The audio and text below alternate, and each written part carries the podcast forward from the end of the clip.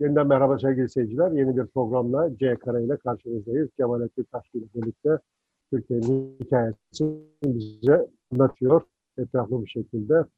Sanıyorum tam baskınından sonra herhalde çok partili hayata geçişi doğru adım atıyoruz. Evet, yani çok partili bir dünyaya, sisteme geçişi sadece bizim kendi iş dinamiklerimizle açıklamanın mümkün olmadığını da hemen hemen herkes ittifak halinde. Sonuçta paranoyak bir devletimiz artık netleşmiş. Yani devletimizin paranoyaklığı her şeyden korkan, herkesten korkan bir devlet.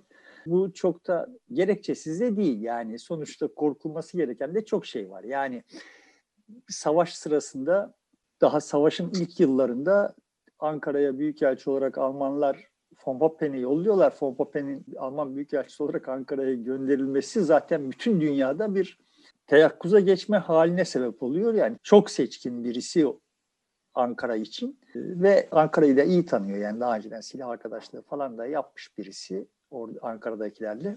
Bunun ne manaya geldiğini Ankara'da bütün dünyada çok iyi biliyor yani. Yani Ki, Türkiye bütün derdi Türkiye'yi Almanların yanında savaşa sokmak.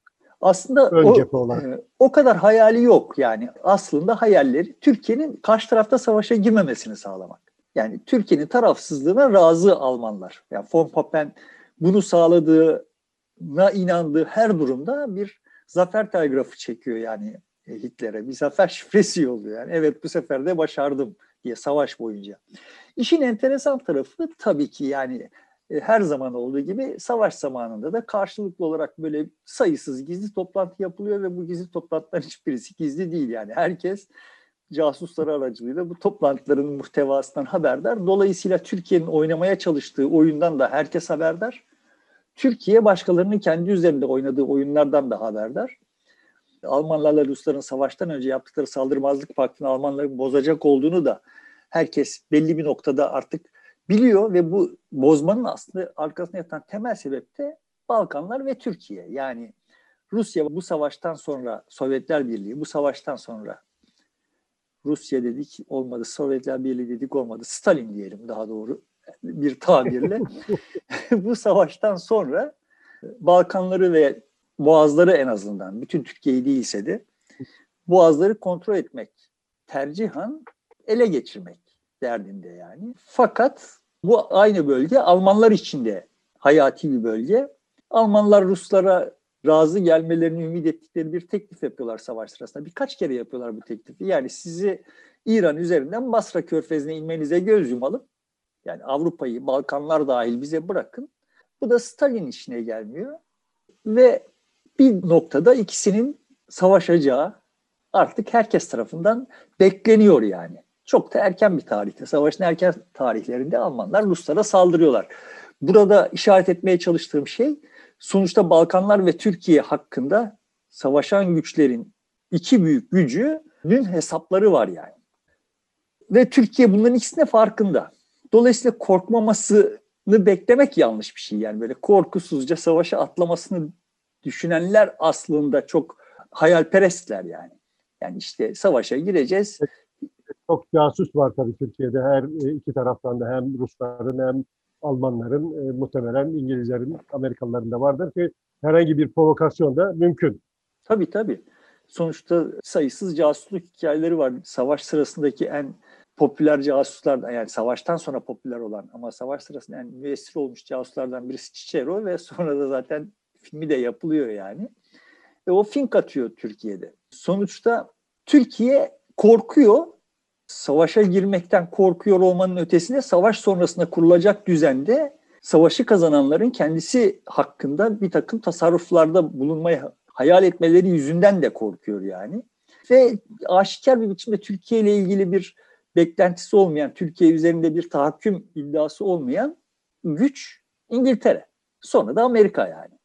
Dolayısıyla aslında Türkiye'nin gönlünde yatan aslan da İngiltere'nin yanında savaşa girmek ama bunun Almanları doğrudan Türkiye'ye saldırıya sebep olacağından korktuğu için yani savaşa taraf olduğu zaman bütün Balkanlar Yunanistan gibi ezileceğinden korktuğu için yani Alman ordusu tarafından ve öteki taraftan da Rusya girecek Türkiye'ye diye korktuğu için bunu da yapamıyor. De dönemde Türkiye'yi koruma, bu tür Almanların ya da Rusların saldırısı karşısında Türkiye ile beraber bir savaşa girme ihtimali de düşüktü.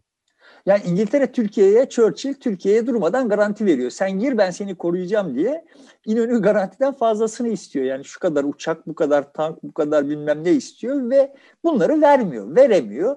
Şimdi Churchill enteresan bir tip. Daha önce değindim. Yani sonuçta İngiltere'de ciddi bir savaş karşıtlığı olduğu halde yani bunun en tipik misali savaştan önce Çekoslovakya'daki emellerini Hitler'in gerçekleştirmesi için yapılan toplantıya, Münih toplantısına gidiyor Chamberlain.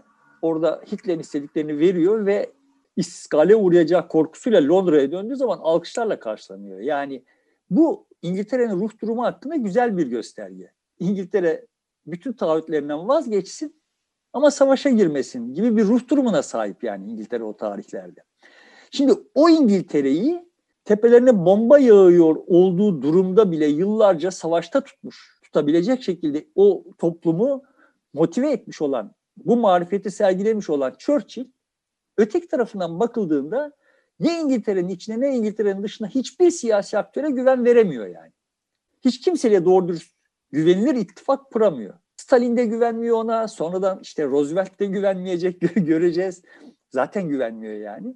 İnönü de güvenmiyor. Dolayısıyla şimdi İnönü ısrarlı bir biçimde tamam ben sizin tarafınıza savaşa gireyim ama bana şunları verin diyor. Churchill bunları vaat ediyor ve yapmıyor gibi böyle uzun bir hikaye var Türkiye'nin savaşa gire, girmemesinin arkasında ve sürekli bir ip cambazlığı yani İnönü'nün yaptığı. Dolayısıyla ben hani o açıdan baktığımda bu marifete şapka çıkarıyorum yani. Olsa şapkam çıkaracağım diyelim. Çok çok saygı değer buluyorum yani. Ee, Başarılı gerçekten yani o bu, bu, bu kadar büyük gücün arasında herhangi bir provokasyona e, kurban gitmeden ayakta kalabilmiş olmak e, başarı. Hay bir de içeriden dışarıdan durmadan bir takım vaatler var yani işte e, Musul'u filan vaat ediyor İngiltere. İşte ötekiler gelip adaları vaat ediyorlar. Almanlar işte bir şeyleri vaat ediyorlar. Ruslar bir şeyleri vaat ediyorlar. Herkes bir şeyleri de vaat ediyor yani. Sen bizim yanımıza savaşa gir. Savaştan sonra masaya oturduğumuzda ha şunları sana verelim gibi böyle Türkiye'yi de boğan bir takım şeyler. Yani sonuçta hemen burnumuzun dibindeki adalar mesela işte e, Yunanistan yenilmiş Almanlar e, Yunanistan'ı ezmişler. O adalara da çıkmışlar mesela. Hani işte e, tamam bu ada, adaları Türkiye'ye verelim diyor iki tarafta. Sen bizim yanımıza savaşa gir veya işte Almanlar hani savaşa girme biz savaştan sonra kazandığımızda sana adaları verelim edasındalar falan yani. Böyle bir yığın vaat var. Sadece sopa değil yani havuç da çok. Ve bu şartlar altında İnönü yapılması zor olanı yapıyor. Şimdi savaşın sonuna yaklaşıyoruz. Sonuçta Amerika savaşa girmiş. Amerika'nın savaşa girdiğini İnönü tatildeyken öğreniyor ve rivayete göre şarkı söyleyerek karşılıyor bunu yani. Böyle çok mutlu oluyor Amerika'nın savaşa girmiş olmasından. Çünkü işte evet bu sefer Almanlar yenilecek ve Almanlar yenildiği zaman da Türkiye'nin üzerinde bir takım emelleri olanlar değil, ötekiler kazanmış olacak. Bir istisnasıyla Rusya. Sonuçta Rusya da savaştan galip çıkacak ve ama Rusya'nın Türkiye hakkında bir takım emelleri var. Bir de işin enteresan tarafı daha savaşın ilk zamanlarında İnönü ısrarlı bir biçimde Churchill'i Stalin'le bir araya getirmeye çalışmış. Yani Alman-Rus saldırmazlık paktı olduğu dönemde de İnönü ısrarlı bir biçimde Churchill'e bu savaş eğer Rusya Almanya'nın aleyhine savaşa dahil olursa kazanılma şansı var diye ikna etmeye çalışmış. Churchill de Ruslara güvenmediği için daha doğrusu Churchill'in aslında komünist şey, düşmanlığı çok yüksek galiba hayatı boyunca. Hem komünist düşmanlığı çok yüksek. Dünyada komünizm tehlikesini ilk dile getiren adam olmuş olmakla övünüp duruyor. Ama onun ötesinde yani Churchill'in asıl derdinin imparatorluğu, İngiliz imparatorluğunu korumak ve hatta tahkim etmek olduğundan olduğu da sır değil. Herkes biliyor yani bunu. Ve İngiliz imparatorluğunun menfaatleri de Sovyet imparatorluğunun menfaatleriyle çelişiyor özellikle Asya'da. Dolayısıyla da Churchill bu işi Stalinsiz yapmak, Rusyasız yapmak, başarmak, Almanların aklından Rusyasız gelmek derdinde. başlangıçta. Sonrasında bu olayın imkansız olduğunu görüyor, mecbur kalıyor vesaire filan. Şimdi savaşın sonuna yaklaştık ve Churchill, Stalin ve Roosevelt bir araya gelecekler. Savaş sonrasının hesaplarını yapacaklar. Bu toplantının Ankara'da yapılmasını teklif ediyor Roosevelt. Stalin yanaşmıyor. Rusya topraklarının dışına çıkmak istemiyor. Zaten uçak korkusu da var falan. Sonunda Tahran'da anlaşıyorlar. Tahran o sırada işgal altında yani e, İngiliz ve Rus işgali altında olan İran'ın başkenti yani Tahran'da bir araya geliyorlar. Bu Tahran toplantısı için Roosevelt Kahire aktarmalı gidiyor ve Kahire'de Churchill Roosevelt'i Stalin'le görüşmeden yakalayıp kendi tezlerini kabul ettirmeye çalışıyor. Roosevelt yemiyor yani bu oyunları. Geçiştiriyor. Bu arada da İnönü ile bir görüşme yapılmasının iyi olacağı da düşünülüyor. Sonra Tahran toplantısında evet Türkiye ile bir araya gelinmesi gerektiği kararlaştırılıyor ve Kahire'de bir toplantı planlanıyor ama Stalin bu toplantıya gelemiyor. Ve Roosevelt, Churchill ve İnönü bir araya geliyorlar. O toplantıda İnönü bir, bir defa daha çok marifetli bir diplomasi izliyor. Toplantıya giderken yanında askerleri götürmüyor ve fakat savaş ilan etme yetkisini meclisten almış. Bu kağıtla gidiyor yani. Orada Churchill'i mat ediyor. Yani Churchill kendisine çok güveniyor. İşte İnönü'yü mat edeceğini varsayıyor ama İnönü Churchill'i mat ediyor ve Roosevelt'le çok sağlam bir ittifak kuruyorlar. Türk-Amerikan ittifakı yani aslında Kahire'de ve Roosevelt ile İnönü arasında kuruluyor. Roosevelt de sonuna kadar hep İnönü'nün yanında Churchill'in karşısında kalıyor. Ondan sonra da yani. Bu Türkiye'nin işte... Çünkü, çünkü Roosevelt'e Churchill'e güvenmediği için e, muhtemelen daha çok Türkiye'nin yanında yer almış olabilir. Onu evet. da Churchill'le hesabı var çünkü. Evet. Churchill'e hiç güvenmiyor ama aynı zamanda İnönü'de sahiden çok sağlıklı bir yani e, Roosevelt'in de elini güçlendirecek bir strateji izliyor. Orada daha ilk yani topla dediğim gibi bütün bunları da çok teferruatlı biliyoruz çünkü çok casusluk şey. Almanlar da biliyorlar yani bütün bu dönüp duran şeyleri. Hatta Almanlar Tahran'dayken Roosevelt Cicero aracılığıyla işte suikast düzenlemeye kalkıyorlar. Ve bu suikastten de haberdar olunuyor suikast planından. Bunun üzerine Amerikan Büyükelçiliğinde kalmıyor Tahran'da Roosevelt filan falan uzun hikayeler yani. Sonuçta enteresan bir biçimde Roosevelt ile İnönü'nün yıldızları barışıyor. Ve fakat sonuçta işte savaş biterken Türkiye savaşa girecek, Almanlara, Japonlara savaş ilan edecek falan filan. Bu işler bunlar hiçbir ciddi bir sonuç doğurmayacak ama işte Türkiye Birleşmiş Milletler'in işte üyesi olacak. Birleşmiş Milletler şey savaşa girmiş. Fiil olmasa da fiil resmen savaşa giriyor Türkiye aslında. Evet, savaş ilan ediyor yani savaşın bitmesine çok yakın.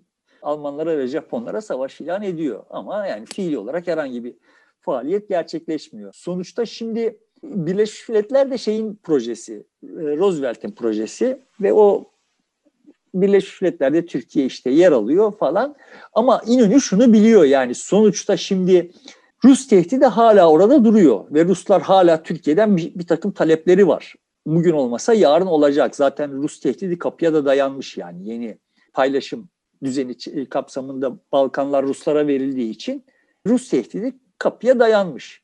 Şimdi bu şartlar altında kendisini emniyette hissedebilmesi için Batı İttifakı'nın bir parçası olması gerekiyor ve Batı İttifakı'nın bir parçası olabilmesi için de onlara şirin görünmesi gerekiyor. Şirin görünmesi için de bir çok partili rejim, bir demokrat rejim hoş olacak yani. Şimdi bunun yapılması gerekiyor. Bunun yapılması için işte çok partili rejime geçmeye izin veriyor diyelim.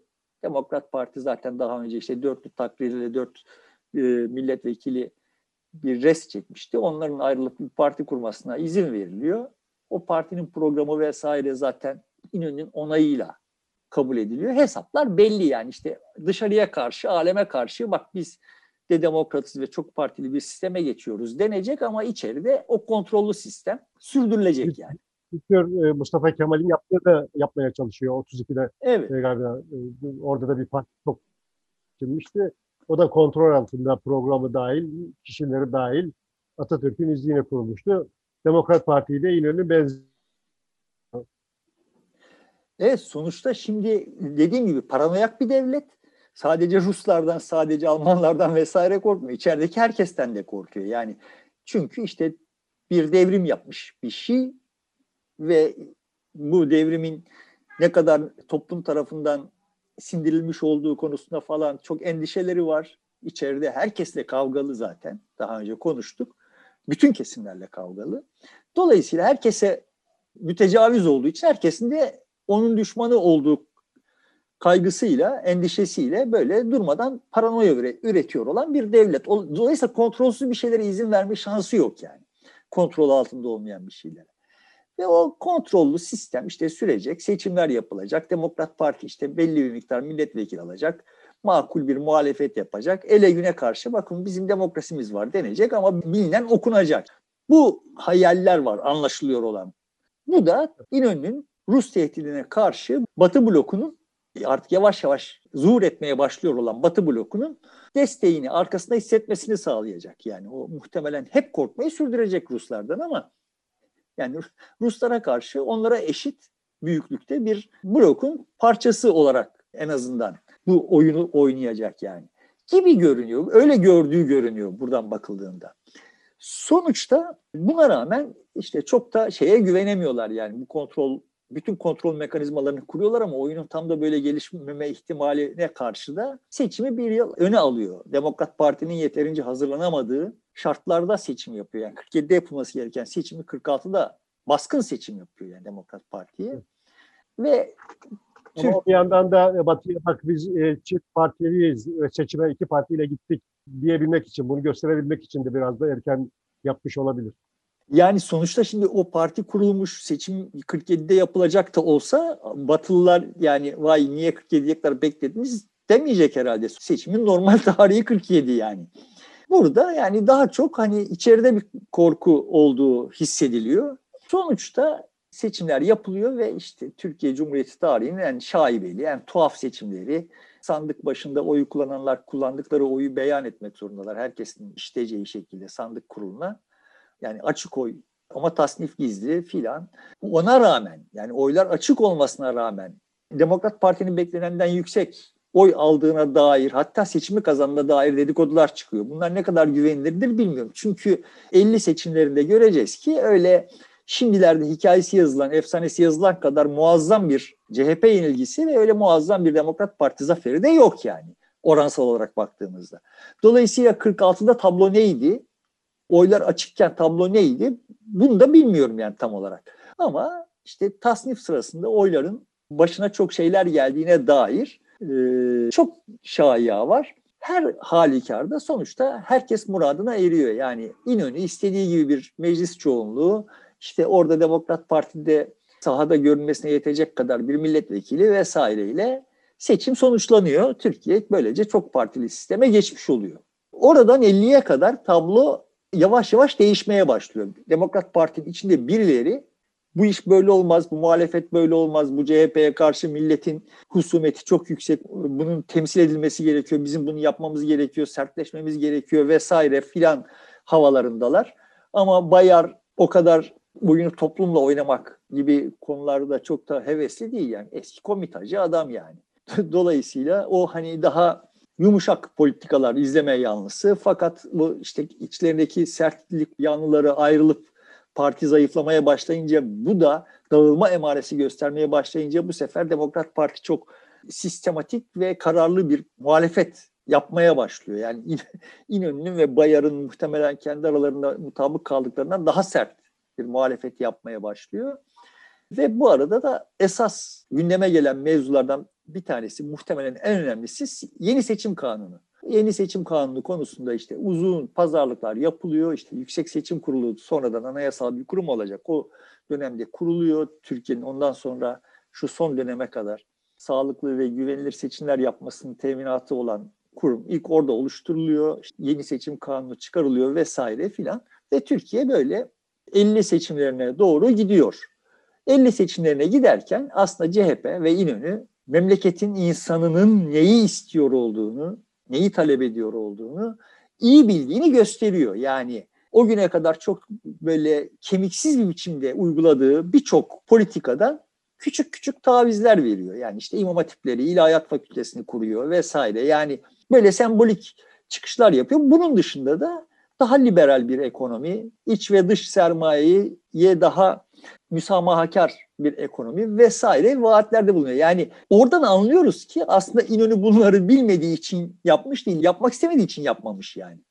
Ama seçim kazanmak gibi bir ihtiyaç hasıl olunca, normal şartlarda bir seçim kazanmak gibi bir ihtiyaç hasıl olunca pekala ne bildiğini göstermiş. Ve bu şekliyle biz 1950 seçimlerine gittik.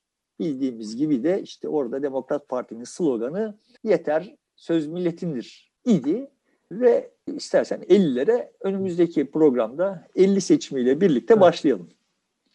Evet 50 seçimiyle orada birlikte başlayalım. Hem de seçim sistemi de orada kazananın bütün ili aldığı bir e, toptancı. 46'da da öyle yani ço- çoğunlukçu evet. bir sistem. Nispi temsil yok yani. Evet. Peki burada bitiriyoruz. Sevgili dostlar burada sonlandırıyoruz. Şimdilik hoşça kalın. 50'li yıllarla yeniden karşınızda olacağız.